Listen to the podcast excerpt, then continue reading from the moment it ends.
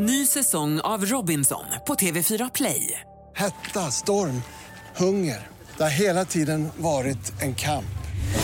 Nu är det blod och tårar. Fan händer just nu. Det. Detta är inte okej. Robinson 2024, nu fucking kör vi! Streama söndag på TV4 Play. Du lyssnar på en podcast från Expressen. Ansvarig utgivare är Thomas Mattsson. Fler poddar hittar du på expressen.se podcast och på iTunes. Jag åker in i kriget genom en bensinmack. Passet får jag visa i en korvlucka. Beväpnade män söker igenom bilen. På andra sidan macken ligger Europas nya självutropade republik. Där män som kallas elitsoldater krossar glasflaskor mot sina pannor. Barn bär vapenlådor till ljudet av rysk folkmusik och en tant skriker att hon älskar Putin.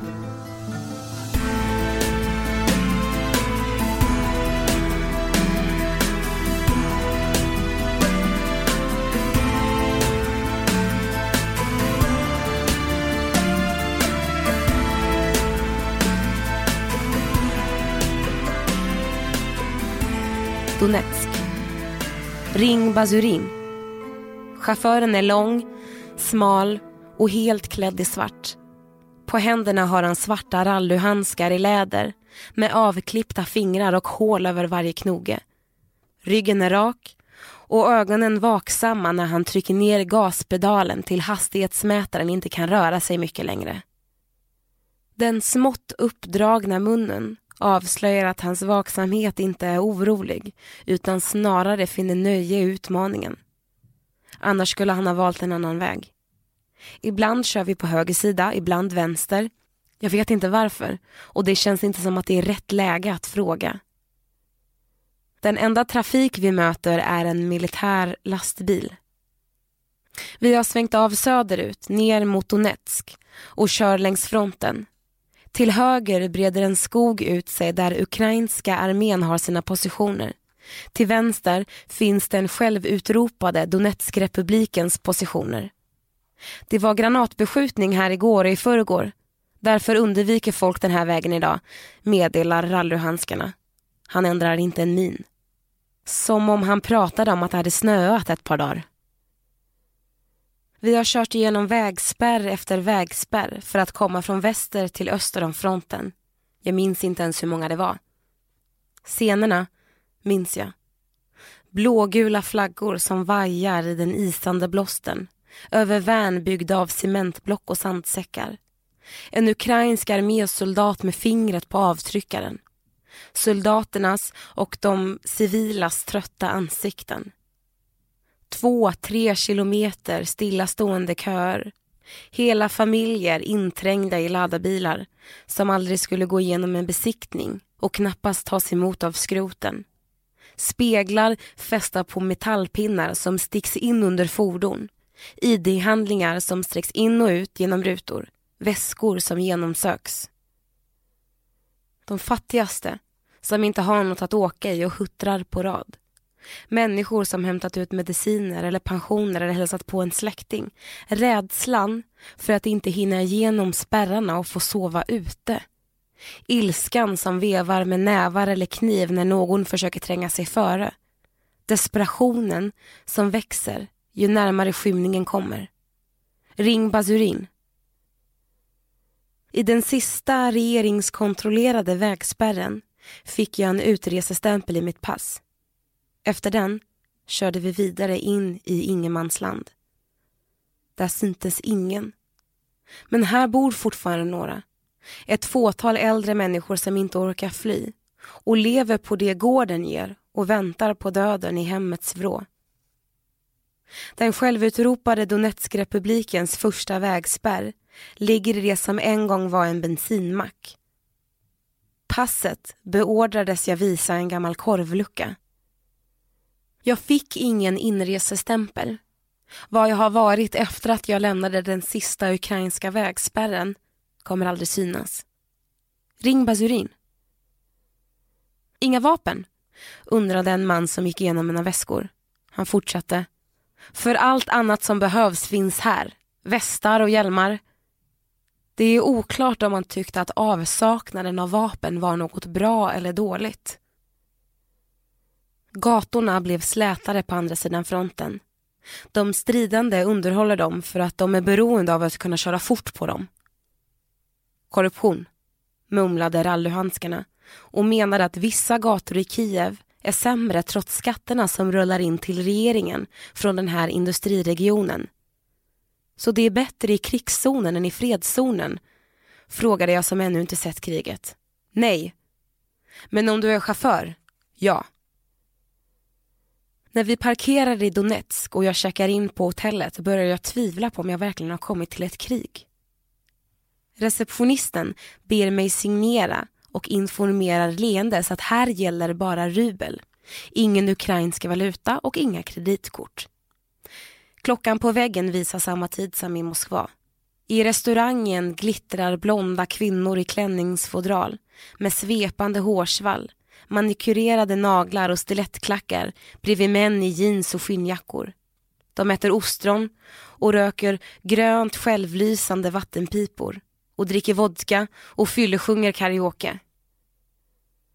En servitör med en prydlig vit linneservett lagd över armen rullar fram en silvrig vagn och flamberar en efterrätt. Inredningen går i skinn och rött. Möblerna är bastanta. I taket hänger en diskokula. Spa-avdelningen tar upp tre våningar. Det finns ett gym med en personlig tränare, en yogasal, en kampsportshall och en stor bassäng för motionärer och en mindre där det hålls en klass i babysim. Mammorna håller i små fötter och skrattar nyförälskat. Det har aldrig känts mer surrealistiskt att ta hissen upp till rummet med en hjälm i ena handen och en skottsäker väst i den andra. På natten vaknar jag av dova explosioner och går upp och drar ifrån gardinerna. Jag står där och tar tag i fönsterbrädan som för att förvissa mig om att den finns på riktigt och funderar över på vad jag ska få se när det ljusnar. Jag ser en väldigt kort man. Han är klädd i perfekt pressad uniform, skärmmössa och blanka skor som klappar mot asfalten. Armarna och benen svänger ivrigt när han marscherar in på Järnvägstorget. Han är generalen. Bakom honom går sex fanbärare i svarta rockar och ett hundratal män i värnpliktsålder. De ställer upp på ett led. Fanbärarna längst till vänster höjer den rödblå-svarta flaggan med den dubbelhövdade örnen. I bakgrunden breder en fond av kala träd och håglösa lägenhetshus ut sig. Ur högtalarna framme vid scenen, där den en och en halv meter korta generalen har ställt sig inramad av banderoller som det står Nya Ryssland på. Novorossia, som inte bokstavligen är ett nytt Ryssland utan ett historiskt namn på en region i sydöstra Ukraina, började pumpa musik. Hetsiga kamprytmer som övergår i signaturmelodin för dataspelet Mortal Kombat. Männen i grönkläder som springandes har lämnat torget kommer nu tillbaka i jeepar och med vapen. De skjuter med lösa skott, kastar saker som smäller och sprider rök. Avväpnar knivattacker, övermannar varandra och går till närstrid. De avslutar med att krossa glasflaskor mot sina pannor och slå sönder tegelpannor som det brinner eld under med sina händer. En av männen misslyckas med att krossa sin glasflaska både första och andra gången. Tredje gången lyckas han krossa både flaskan och tinningen. Blodet rinner ner över ena ansiktshalvan och han får hämtas med ambulans. Det här är en uppvisning av det man vill se som ett nytt spetsnaz. Ett specialförband bestående av mannar från Europas nya utbrytarstat. Runt torget står några lokalbor uppställda. Det känns som att jag hamnat på en teater där jag är den enda som inte är skådespelare. Ring Basurin. Det är vad jag behöver göra för att få komma bakom kulisserna. För att få vara med de stridande vid fronten. För att få se vilka det är som strider. Vad de har för nationaliteter. om de är frivilliga eller tillhör reguljära trupper och om de i så fall är lokala eller ryska. Eduard Basurin är den självutropade Donetskrepublikens försvarsminister och jag behöver få ett tillstånd av honom personligen. Inte det skrivna jag redan fått av honom på papper. Det är inte nog med ett papper. Varje dag svarar Basurin ring imorgon. När kriget bröt ut var det som ett vilda västern på östra sidan av fronten.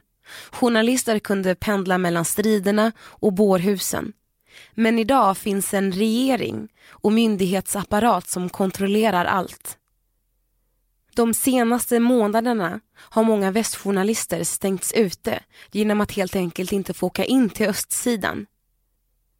På båda sidorna av fronten är man misstänksamma mot väst respektive östmedier och tycker att det som skrivs om kriget är propaganda. För två år sedan fanns ingen front och inga vägspärrar och inget krig att skriva om. Då fanns bara Ukraina. Men i april 2014 inrättades nya gränser. Två republiker utropades i östra delen av landet, Donetsk och Luhansk. I de självutropade republikerna demonstrerade anhängare av utbrytningen mot den nya regeringen i Kiev. De ansåg att de våldsamma protesterna på Majdantorget under vintern samma år inte var en frihetlig revolution utan en statskupp. Där president Janukovic och den gamla regeringen som hade gynnat affärsintresset i öst störtades. De ville försvara den tidigare ordningen och såg händelserna på Majdan som ett hot mot stabiliteten och de många etniska ryssarna som bor i öst. Demonstranterna höll tal om att östra Ukraina skulle anslutas till Ryssland. När man inte fick något gensvar började man istället använda sig av begreppet nya Ryssland. Områden som erövrades av tsarryssland under 1700 och 1800-talet och sträcker sig söderut längs havssträckan ner mot Odessa och Krim.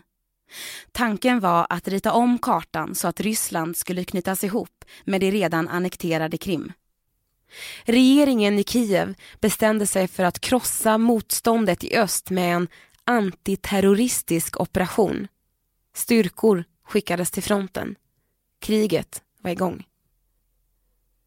Om det som skedde berodde på spänningar mellan olika grupper inom nationen som till slut kokade över eller om det var Rysslands president Vladimir Putin som var den elaka kocken som rörde om i soppan eller om det var EU i allians med USAs president Barack Obama. Eller om det var Ukrainas oligarker strids det också om. Ukraina hade tidigare slitits mellan att ingå i en union med väst eller med öst. Och när EU och Ryssland samtidigt sträckte över förslaget på avblås blossade de interna konflikterna upp. När den ryssvänliga presidenten Janukovytj avsattes efter Majdan och den nya västvänliga Kiev-administrationen installerades svarade Ryssland med att inta Krim, där de har en örlogsbas i Sevastopol. Putin sa efteråt, vi vill inte se några NATO-skepp i Sevastopol, den ryska ärans stad. Risken var reell efter händelserna i Majdan, därför återtog vi Krim. Ryssland ville hålla Ukraina utanför EU och NATO och Europa hamnade i en oreda som påminner om situationen vid utbrottet av första världskriget. Med skillnad är att idag finns det kärnvapen och ett informationskrig på internet. Det är som första världskriget det ser ut. Jag övertalar rallyhandsken att köra mig till frontlinjen utan tillstånd. Det är lerigt, kallt och grått och jag håller på att få en granat i huvudet. De stridande är lokala män från Donetsk som säger att de slåss mot fascisterna på andra sidan. Själva har de ett fotografi av Stalin. Bostadshusen vid fronten är sönderbombade. Många har flytt. Det finns 4,5 miljoner internflyktingar. Vissa lever i skyddsrum. Andra försöker bo där det knappt finns golv eller tak. Elen och vattnet kommer och går Värmeledningarna och fönstren är sönder. Folk gråter i lägenheter som har exploderat. När blev livet ett inferno? Vem kan komma med mat och laga husen? Ring Basurin. Lydia, som är 73 år och går med käpp, tar sig in till stadshuset för att fråga om det kommit något bistånd. Hon har hört att det skulle komma från Tjeckien. Det har det inte. Hon pekar med käppen mot gatorna i centrum. Det är bara unga människor som klarar sig här. För oss gamla finns ingenting. De affärer och kaféer som har öppet är lokala. Matvarorna kommer från Ryssland. Alla västföretag som Sara och McDonalds är igenbommade. Dörrarna är försatta och lokalerna tömda. De får inte verka på det som anses vara ockuperad mark. Vissa bilar har skyltat om sina bilar till DPR, Donetskrepubliken, istället för UA, Ukraina. Men de skyltarna godkänns varken vid den ryska eller de ukrainsk kontrollerade gränserna. Det finns inget banksystem och det går inte att ta ut pengar ur bankomaterna. Om Lydia vill hämta ut sin pension måste hon åka igenom alla vägspärrar till den västra sidan av fronten. Det kan ta åtta timmar dit och åtta timmar tillbaka. Rädslan för att inte hinna igenom spärrarna och få sova ute Ilskan som vevar med nävar och kniv när någon försöker tränga sig före. Desperationen som växer ju närmare skymningen kommer. 73-åringen säger till mig. Du har ett farligt jobb. Du har ett farligt liv. Du bor vid fronten, utbrister jag. Ja, det är farligt. Vi har blivit bombade, vi har bott i källare. Våra hus är förstörda. Hon stödjer sig på käppen när hon går ner från stadshustrappan. Men det är mitt hem. Mitt på innergården står en äppelrund tant med blont hår. Runt omkring henne är olika bandvagnar, pansarfordon och bord med vapen utplacerade. Tack gode gud för Putin! skriker tanten. Hon tar upp sitt pass ur en sliten kappficka och kysser det. Mother Russia. Ett pappersblad tryckt med Donetsk-republikens flagga är lagt som ett omslag runt passet. Hon viker upp pappret en bit och visar att under de rödblå-svarta färgerna finns den ukrainska statssymbolen. Den dykande falken som ser ut som en treudd. Snabbt viker hon över pappret igen. Det här var ukrainskt. Nu är det Donetskrepubliken. Putin har räddat oss. Jag älskar Putin, ropar hon förtjust. Barn klättrar upp på militärfordonen. Två flickor håller om varandra uppe på en bandvagn. Den ena sträcker upp en arm i luften som en segergest. Den andra har på sig en ljusblå täckjacka. Tanten nickar åt flickan i blått och sänker rösten. Hon är åtta år och har inga föräldrar. Hennes mamma var en prickskytt som dödades. Någon pappa har hon aldrig haft. Åttaåringen klättrar ner från bandvagnen och går fram till ett av vapenborden. En soldat hjälper henne att testa en styr med kikarsikte. Ett dyrt österrikiskt prickskyttegevär som en del kräsna ryska elitsoldater använder. Andra barn som också förlorat sina föräldrar i kriget håller i granatkastare och pistoler. Det är en rysk helgdag. Man firar skapandet av Röda armén 1918. Tidigare firades denna helgdag i hela Ukraina. Men i år firar man bara i den självutropade republiken. Väster om fronten har man rivit Lenin-statyer och ställt in helgdagen. I ett pressmeddelande från Stadshuset har man gått ut och sagt att det ska bli ett stort firande och en parad genom staden. Men det enda officiella firandet är på den här innergården som bevakas av män i hjälmar och automatkarbiner. Jag tittar på den rundlagda tanten. Varför älskar du Putin? Hon slår ut med armarna och lutar tillbaka huvudet som om frågan är dum. Ukraina är terrorister, fascister. Vad skulle vi gjort utan Putin? Jag såg ukrainska soldater skjuta folk, vanliga människor i mitt bostadsområde. Jag såg det från min lägenhet. Jag gick ut och försökte sätta stopp för det. Och då togs jag som krigsfånge. Ukrainska armén höll mig i skogen i en månad. Tanten stoppar ner båda händerna i fickorna och drar ihop axlarna. Hur var det? Det var horribelt. Horribelt. Hon blir tyst och lyssnar. Strider hörs på avstånd. Jag behöver tillstånd för att åka till fronten. Ring Basurin. Han svarar, ring imorgon. Det blir kväll och det bjuds på whisky i hotellrestaurangen eftersom det är helgdag. Jag beställer in gravlax. Betraktar fascinerat de välmanikerade kvinnorna och skinnjackemännen. Sväljer whiskyn och lägger mig innan de drar igång sin fyllekaraoke igen. Överklassen dinerar på hotell och över tre miljoner människor som lever längs frontlinjen är i behov av bistånd. Enligt FN upplever många känslor av övergivenhet, isolering, skräck. Folk grips, förhörs, torteras. Bristen på rättssäkerhet är särskilt oroande på den östra sidan. Men man understryker att även ukrainska säkerhetstjänsten begår samma typ av övergrepp på den västra sidan. Stridande på båda sidor berättar för mig om krigsbrotten mot tillfångatagna soldater. Cigaretter som fimpats mot hud. Hud som skurits sönder med kniv.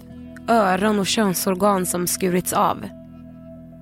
Jag frågar rallyhandskarna om han känner till någon som är för de som strider på västsidan men som bor på östsidan.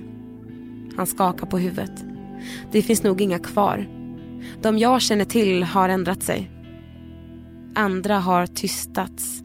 Familjer har splittrats. En far kan vara för den ena sidan, sonen för den andra. Tidigare grannar skjuter mot varandra. På en kaffebar i staden, där varje cappuccino tar omsorgsfullt lång tid att få.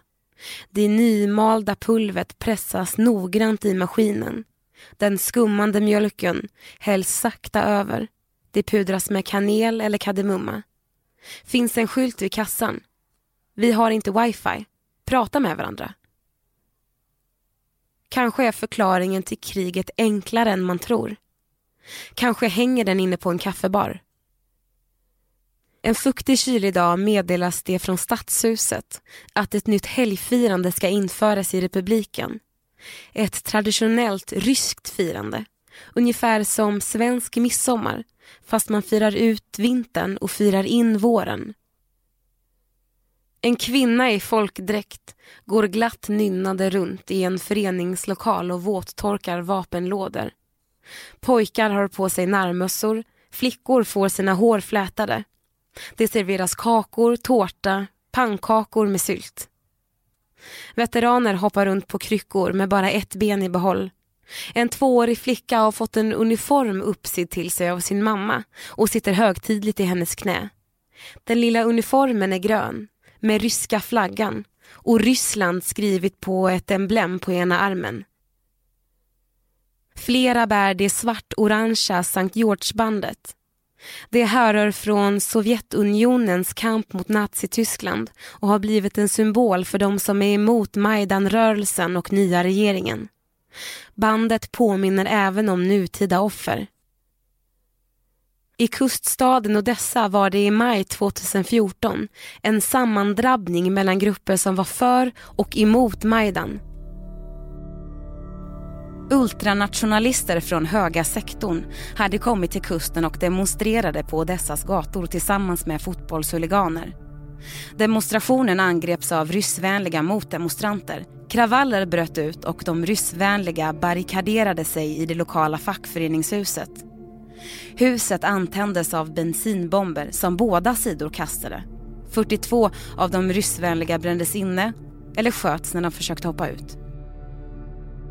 Nationalisterna skanderade “Brinn Colorado, brinn”. Colorado är en svart-orange skalbagge.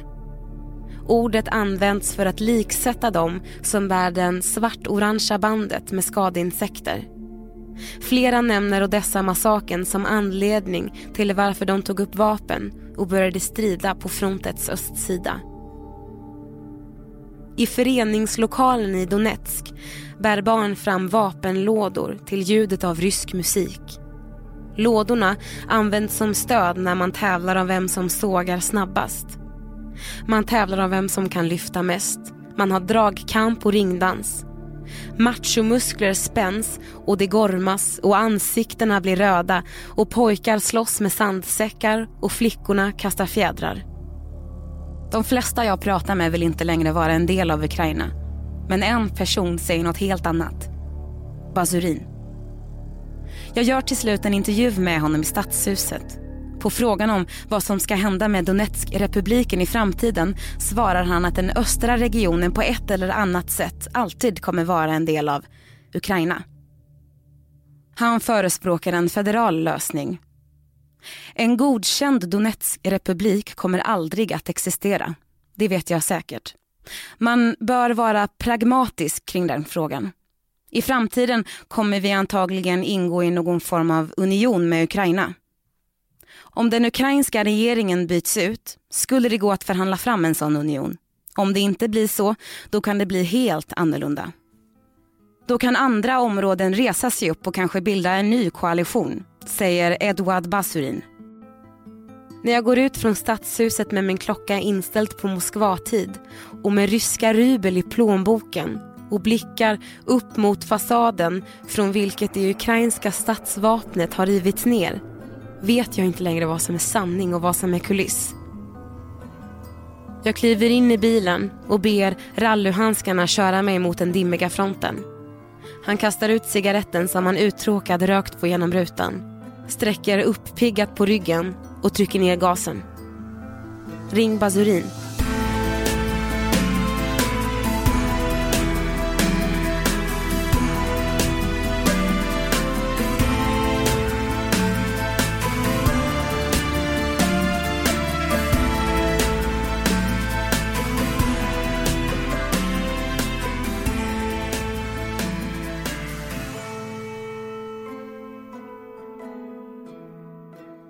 Du har lyssnat på en podcast från Expressen. Ansvarig utgivare är Thomas Mattsson.